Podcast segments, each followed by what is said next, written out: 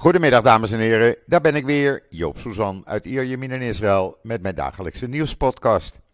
Eerst even het weer, want daar ben ik zo mee klaar. Nou, 38 graden is gevoelstemperatuur, strak blauwe lucht, heel af en toe een klein wolkje, een zwak briesje en voor de rest, ja, s'nachts uh, 25 graden. Het uh, blijft zomeren voorlopig. Dus uh, wil je zonzekerheid, kom gewoon lekker een weekje of wat langer naar Israël toe. En dan uh, het overige nieuws, want er is weer van alles aan de hand hier in, uh, in Israël.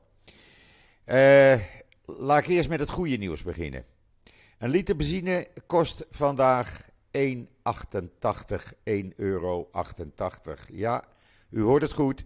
Dat gaat de hele maand augustus uh, deze prijs kosten. Door toedoen van de regering die wat belastingen eraf heeft gehaald en de daling van de olieprijzen. Hier in Israël worden de uh, benzineprijzen altijd voor een hele maand vastgesteld. Dus 1 liter, uh, 1,88 euro per liter. Nou, dat is nog niet zo slecht. In ieder geval beter dan wat het was. Want er ging zomaar een kleine 50 eurocent van een liter benzine af. En dan COVID. Gisteren uh, 3669 mensen positief op uh, COVID getest. Uh, ja, het blijft nu een beetje rond dat niveau. er werden 18.610 mensen getest in totaal. 19,7% was positief, dat is dus 3.669. In totaal zijn er nog 41.131 viruspatiënten in het land. Er liggen er nog 312 ernstig ziek in het ziekenhuis. 83 van hen in kritieke toestand en allen aangesloten aan beademingsapparatuur. Het R-cijfer blijft gelukkig staan op 0,78, dus dat, uh, dat is een goed teken. Maar inmiddels is het aantal uh, mensen wat aan COVID-19 is overleden gestegen naar 11.000. 377. En dat is niet zo goed. Uh, wat ook niet goed is, en daar mag u de Nederlandse regering en de EU voor bedanken. De terroristen die 20 jaar geleden een aanslag pleegden op de Hebreeuwse Universiteit in uh, Jeruzalem, waarbij negen mensen werden vermoord uh, en ruim 80 anderen gewond raakten. Deze terroristen hebben van de Palestijnse leiders salarisverhoging gekregen. Jawel, u hoort het goed. Uh, om maar wat te noemen, ze zitten nu gemiddeld op zo'n 2310 euro per maand. Ze zitten dus in de gevangenis levenslang. En dan uh, daarbij krijgen ze nog zo'n 87 euro voor vrouwen en kinderen. Eh, als je nagaat dat elk van die terroristen gedurende de tijd dat ze in uh, de gevangenis zitten hier in Israël, hebben de Palestijnse leiders inmiddels 299.000 euro al betaald aan elk van hen. Alle vier. Dus uh, vermenigvuldig dit met vier en dan zit je dus op 1,2 miljoen euro. En dan hebben we het alleen nog maar over vier terroristen.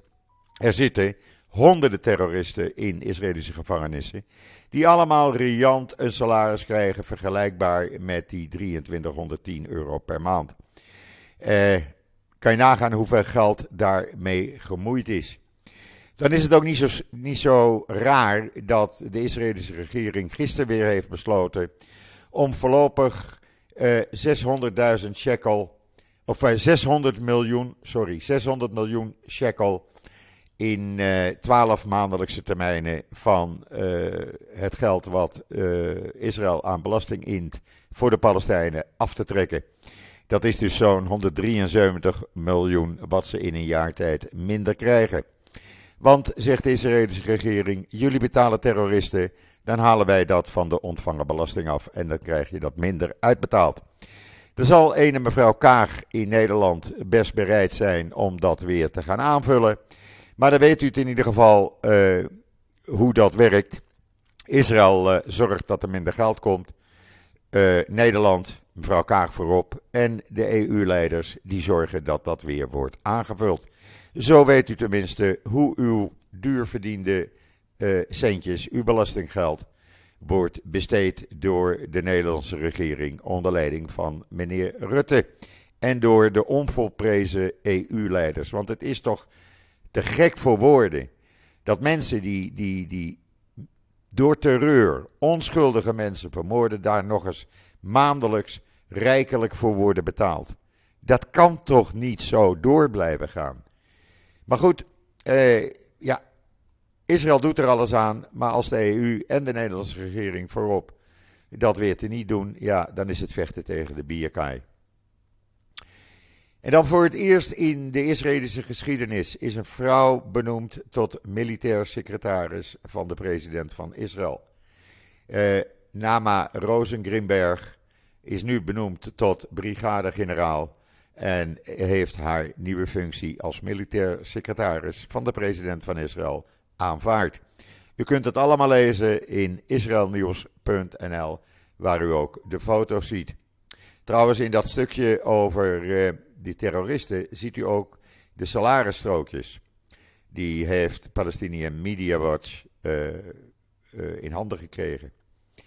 En dan premier Le Piet. Die heeft in een brief aan de Verenigde Naties, aan de secretaris-generaal, meneer Guterres, geëist de onmiddellijke verwijdering van alle drie de leden van de onderzoekscommissie die belast zijn met het onderzoek naar Israël en de ontbinding van die commissie. Mensen die het hebben over een Joodse lobby die de media controleert, die kunnen geen commissielid zijn, zegt Lapid. En hij heeft daar volkomen gelijk aan. Wat is dit voor een raar bij die Verenigde Naties? Dit kan gewoon niet. Lees het in uh, Israël Nieuws, waar u een uh, video trouwens kan zien van terreurslachtoffers die tijdens de Tour de France op Alpe d'Huez hebben uh, gefietst. dat doen ze om hun bewustzijn te vergroten en ook het bewustzijn van anderen om ze daarmee eh, bekend te maken wat terreur met mensen doet. Mensen die posttrauma hebben. Ja, en op deze manier worden ze dan geholpen. Het waren terreurslachtoffers uit Israël en een aantal Europese landen. Heel mooi om te zien. En dan heeft Israël gisteren besloten versneld het Israëlisch-Jordaanse project Jordan Getaway te implementeren. Dat is een uh, werkgelegenheids- en industrieproject in de Jordaanvallei samen met Jordanië. Uh, betekent dat er duizenden mensen werk kunnen krijgen. Uh, dat zakenlui zaken kunnen doen met ja, Israëlische zakenlui, met Jordaanse zakenmensen en omgekeerd. er komen allerlei industrieparken ja, het is een handels uh, ja, terminal, laat ik het zo maar noemen. Handel tussen Jordanië en Israël. Hoe mooi is dat? Daar moet ik wel bij aantekenen dat uh, Naftali Bennett gisteren bekend maakte dat dit ja, jarenlang niet van de grond kon komen. Doordat de koning van Jordanië nogal kwaad was op meneer Netanyahu die in 2017 een Israëlische veiligheidsagent officieel in zijn kantoor ontving en hem omhelsde nadat hij een Jordaanse, uh, een Jordaniër had uh, doodgeschoten die hem met een schroevendraaier had gestoken. Daar was uh, de koning van Jordanië helemaal niet blij mee met die officiële ontvangst. Nu is dat onder Lapid gelukkig allemaal veranderd. En Jordanië en Israël werken weer samen. Hoe mooi is dat? Ja, en dan uh, gisteren. Israël was in de ban van Paris Saint-Germain tegen FC Nan. Om de Supercup die in uh, Tel Aviv in het Bloomfield Stadion werd gespeeld. Dat was toch prachtig om te zien. Ik heb ervan genoten. Uh, Paris Saint-Germain won met 4-0. Waren mooie doelpunten. Uh, eerder op de dag natuurlijk hadden we Max Verstappen al in een weergaloze race. Wat kan die man rijden? En wat een strategie zit er bij Red Bull achter. Want om op plek 10 te starten, een pirouette van 360 graden te maken. En dan nog uh, de race te winnen. Ik uh, maak een diepe buiging voor Max. Wat trouwens mooi was, dat uh, een van de spelers van Paris Saint-Germain, even een slokje water,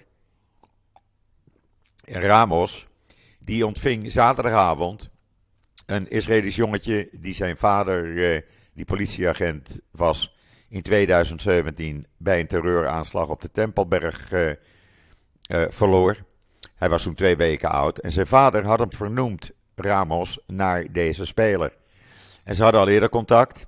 En toen uh, het jongetje hoorde dat, hij weer, dat de Ramos weer met zijn elftal naar Israël kwam, vroeg hij hem te ontmoeten. Nou, dat is gebeurd. Ze hebben, hij heeft cadeautjes gekregen van Ramos. Ramos nam alle tijd voor hem. Ik vind, ik vind dat iets geweldigs dat dat zo kan. Ja, en dan de Shin Bet, die is aan het onderzoeken waar de dreigbrieven naar de vrouw van premier Lapid vandaan komen, Lihi Lapid. Die kreeg brieven waarin haar uh, de meest verschrikkelijke ziektes werd toegewenst. Verkeersongelukken werd toegewenst voor haar en haar familie. En de Binnenlandse Veiligheidsdienst is nu ingeschakeld. En zij hebben alle vermoeden uit welke richting ze moeten uh, die brieven komen. Uh, met dreigementen waarin zij een hoer wordt genoemd. En onbegrijpelijk dat een hoer een man heeft die premier van Israël is. Maar ook, zij verloor onlangs haar broer aan hersenkanker. En in die e-mails stonden ook zinnen als: We hopen dat jij dezelfde ziekte krijgt als je broer. En dat jij, nazi-hoer, kanker zal krijgen. Nou, het is toch verschrikkelijk dat dit soort dingen gebeuren. Het komt uit rechtse hoek, dat is inmiddels al bekend. En ik hoop echt dat die mensen zo gauw mogelijk opgepakt worden en achter slot en grendel worden geplaatst. Want dit kan niet. Echt, dit kan niet. Deze mensen mogen gewoon niet meer vrij rondlopen, vind ik. En dan vanmorgen heeft uh, de minister van Transport, Michaeli, een uh, vijfjarenplan onthuld om het aantal verkeersslachtoffers in het verkeer met 50% te verminderen in de komende vijf jaar. Er komen 4000 bewakingscamera's bij, er komen uh, trajectcamera's bij. Het hele geintje gaat zo'n uh, 4, miljoen euro, 4 miljard euro kosten. En men wil dat gewoon nu doorzetten, want het rijden in Israël, nou, het is geen plezier meer, laat ik het maar zo noemen. Er gebeuren hier de meest vreselijke ongelukken. Afgelopen weekend drie mensen omgekomen door een rij, uh, automobilist zonder rijbewijs op Route 6. Het kan, dat moet stoppen. En ik, ik sta helemaal achter dit plan. Lees dat in de Times of Israel. En dan is er hier in Israël nogal wat ophef gekomen. Nadat gisteravond de Likud van uh, Benjamin Netanyahu met een plan kwam waarbij rechters door politici worden benoemd. Of eigenlijk wordt het op deze manier uh, in elkaar gezet dat de premier bepaalt welke rechters in het Hoge Rechtshof komen te zitten. Dat ministers bepalen welke rechters in rechtbanken komen te zitten. Daar komen geen onafhankelijke commissies meer aan te pas. Nee, uh, ook de procureur-generaal, dat wordt niet meer een commissie uit de Knesset, dat gaat de premier doen. En dan kan je zeggen van ja, uh, waar, wat is daar de bedoeling van? Nou, dat is niet zo moeilijk. Je krijgt een soort dictatuur dan, daar lijkt het naar mijn gevoel op.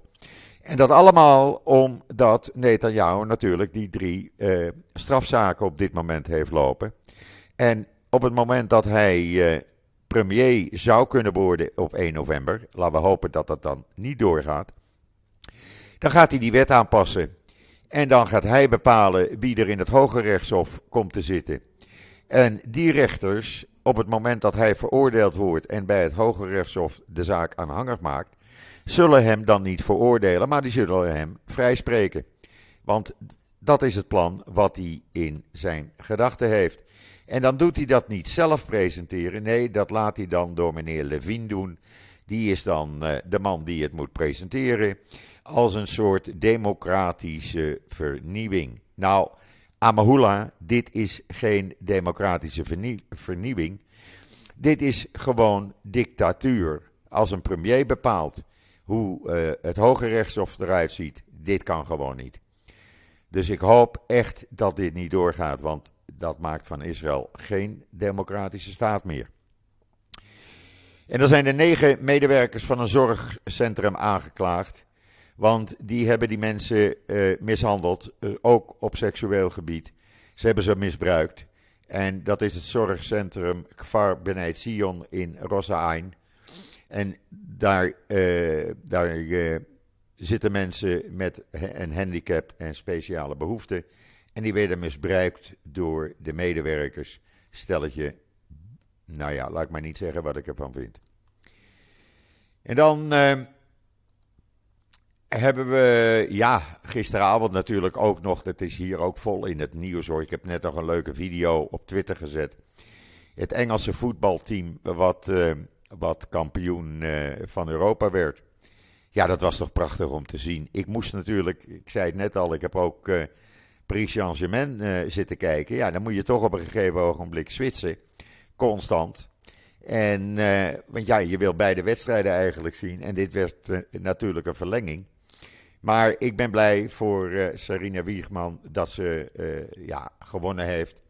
En als je dan ziet dat videootje op mijn Twitter-account ik zal kijken of ik het ook nog in Facebook kan zetten.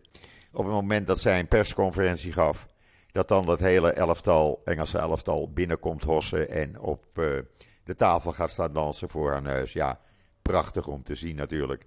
En hier in Israël, men was ook helemaal in de band daarvan. En dan is er in uh, Nuremberg een uh, toernooi voor voetballers onder de 17. Daar spelen acht teams mee waaronder Maccabi Tel Aviv, maar ook teams van Bayern en Chelsea.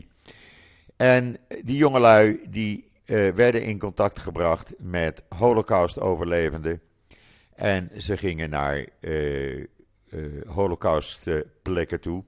Gewoon om ze wat meer bij te brengen. En als je dan ziet hoe een indruk dat maakte op die jongelui, dan denk ik eigenlijk moet dit vaker gedaan worden. Dit is hartstikke mooi om te zien. En dan, uh, ja, we hebben natuurlijk nog veel meer nieuws. Want uh, in, dan moet ik even kijken. Oh ja, een Libanese klerk die eist van de Libanese regering dat burgers die in contact zijn geweest met Israëli's dat die geen Israëlische agenten meer worden genoemd, maar gewoon Libanese burgers. Hij zegt: Het zijn onze buren, dat zijn mensen die goed werk doen. En het uh, past niet uh, om geestelijke, christelijke geestelijke, die heen en weer mogen reizen, daar zijn regelingen voor, om die dan als Israëlische agenten te gaan bestempelen. Uh, op die manier werkt dat niet. En dan hebben Palestijnen gedemonstreerd tegen de Palestijnse politie vanwege eh, Palestijnen die gemarteld werden of worden door Palestijnse veiligheidstroepen. Het waren familieleden van tientallen Palestijnen. Die worden vastgehouden in Palestijnse gevangenissen. En die worden gemarteld, ze worden misbruikt en ze worden vernederd. En daar heeft men eindelijk de stoute schoenen aangetrokken. Lees het in Jeruzalem Post. En die zijn gaan demonstreren ik vind dat uh, dapper. En dan was de vrouw van Zelensky gisteravond op de Israëlische tv-journaals. En die had één uh, duidelijke zin. De veerkracht van Israël dient als een voorbeeld voor het Oekraïnse volk en het Oekraïnse land. Uh, ze zegt: Het is niet overdreven om te zeggen dat de ervaringen in Israël uit het verleden de burgers van Oekraïne inspireren. Je kan het uh, lezen op uh, Times of Israel. En daaraan aansluitend, Israël traint uh, Oekraïnse specialisten op het gebied van respons voor trauma, mensen met trauma, hoe die te behandelen. Er zijn 27 uh, Oekraïnse therapeuten in Israël en die leren hier hoe je mensen een traumabehandeling moet geven. Wordt allemaal gratis en voor niks gedaan. Ja, dat nieuwe boek van uh, Jared Kushner, de schoonzoon van meneer Trump, dat doet nogal wat stof opwerpen hier in Israël. Want het blijkt dat het tussen Trump en Netanyahu helemaal geen koekenij is geweest. En dat eigenlijk Netanyahu constant uh, dingen deed die Trump helemaal niet fijn vond. En hij wou eigenlijk breken met, uh, met Netanyahu. Trump werd een beetje gebruikt eigenlijk door Netanyahu. Lees dat uh, in de Times of Israel, want, of koop het boek. Dan weet je het ook natuurlijk. Ondertussen zijn de gesprekken over de zeegrens tussen Israël en Libanon vandaag weer opgestart. De Amerikaanse gezant is gearriveerd vanmorgen in Libanon. En ondanks dat Hezbollah het niet wil en het helemaal niet fijn vindt en blijft dreigen. Eh, ja, Libanon heeft goede hoop dat men er de komende dagen uitkomt. Nou, ik mag het hopen, want eh, dat probleem moet echt de wereld uit. Eh, Delta, u weet wel, die Amerikaanse luchtvaartmaatschappij die al heel veel uh, vluchten tussen Amerikaanse plaatsen en Israël heeft, die gaat er een nieuwe vlucht aan toevoegen. Die gaan vanaf mei volgend jaar met een Airbus A350-900, dat is een hele grote, gaan ze drie keer in de week vliegen tussen Atlanta en Tel Aviv rechtstreeks. Uh, ze opereren al de route New York-Tel Aviv en ze doen al Boston-Tel Aviv. Daar komt dan uh, Atlanta Tel Aviv bij. Nou ja, het is natuurlijk geweldig dat dat allemaal kan en tekent hoeveel vraag er is om uh, van Amerika naar Israël te vliegen en van Israël naar Amerika. Ja, en dan vandaag, ik zei wel aan het begin, het goede nieuws is dat de benzine uh, goedkoop is geworden. Of laat ik eigenlijk zeggen, goedkoper. Maar aan de andere kant is vandaag de elektriciteit met 8,6% verhoogd. En waarom is dat verhoogd? Ja, men heeft uh, dan wel een aantal uh, elektriciteitscentrales die op gas werken, Israëlisch gas. Maar aan de andere kant zijn er nog zat centrales die op kolen werken. En kolen, ja, het wordt natuurlijk steeds duurder door die oorlog in Oekraïne.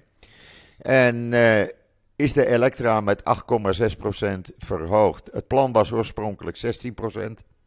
Het is teruggebracht tot 8,6% onder druk van de regering. En uh, ja, juist in de heetste maand van het jaar, wat augustus dan is, waarin je de airconditioning moet laten loeien. Nou, ik heb hem op 25 graden staan. Het is net uit te houden. En daar moet ik het dan maar mee doen. En een lampje minder uh, laten branden. En wat, uh, ja, ik heb al spaarlampen. Ik weet niet hoe je nog meer moet bezuinigen op elektra. Maar goed, het is niet anders. Ondertussen is er onder druk van de vakbond Histadroet, de grootste vakbond in het land. Uh, ja, wordt er een soort boycott uh, voorbereid en vindt al plaats op, uh, tegen een aantal Israëlische importeurs van uh, producten zoals Head Shoulders en Goldgate tandpasta en dat soort producten. Die hier gewoon twee keer zo duur zijn als in Europa en zelfs Nieuw-Zeeland. En het wordt steeds duidelijker dat deze importeurs maar verhogen en verhogen zonder dat daar een reden voor is. En er wordt nu op uh, televisie, s'avonds op uh, Channel 12 nieuws opgeroepen, elke avond weer. Mensen, je kan ook andere producten nemen, alternatieven. Laat deze producten in de schappen. Dan uh, zetten we die importeurs onder druk. Er zijn ook supermarkten die gezegd hebben die producten niet meer te gaan promoten. Een plekje achteraf te gaan geven en andere producten te gaan uh, promoten die stukken goedkoper zijn en hetzelfde resultaat brengen. We hebben in 2011 ooit met een half miljoen mensen staan demonstreren in Tel Aviv. Toen lukte het ook. Dat ging ook tegen de voedselprijzen. Uh, als het nu weer gaat gebeuren, nou, Jopie staat vooraan. Neem dat van mij aan. Want het wordt te gek voor woorden. Echt waar. Ze doen maar, ze verhogen maar. De regering zit er gelukkig bovenop. Maar die mag jammer genoeg op dit moment niet zoveel doen als ze zouden willen. Omdat het verkiezingstijd is en het zou als propaganda kunnen worden opgevat. Maar goed, het gebeurt en ik denk dat het publiek zo verstandig is om ook te gaan boycotten. Ik doe het al. Ik neem andere merken die net zo goed zijn en stukken goedkoper. Want uh, ik ga niet twee keer de prijs betalen uh, voor een product wat in Nederland zeg maar 2 euro kost. En hier omgerekend 3,5 tot 4 euro. Nou, Amahula, daar beginnen we dus niet aan. Goed, dit gezegd hebbende, brengt mij tot het einde van de podcast. Met nog één opmerking. Vanavond om 8 uur Nederlandse tijd. Kobi Ziegler, Unclex op Twitter en Frank Berkemeijer weer met hun Twitter Space over Oekraïne, waarin ze het gaan hebben, uitleg gaan geven over het militaire materieel wat gebruikt wordt en hoe je dat moet gebruiken en waarom ze dat gebruiken. Lijkt mij een hele interessante Twitter Space vanavond. Kom allemaal luisteren om 8 uur. Er is toch niks op televisie. En eh, praat mee, of luister alleen maar mee, maar je kan ook meepraten. En dan maken we er weer een hele gezellige discussie van. Goed, nogmaals, dit brengt mij tot het einde van deze podcast. Ik ben er morgen weer en zeg zoals altijd: tot ziens, tot morgen.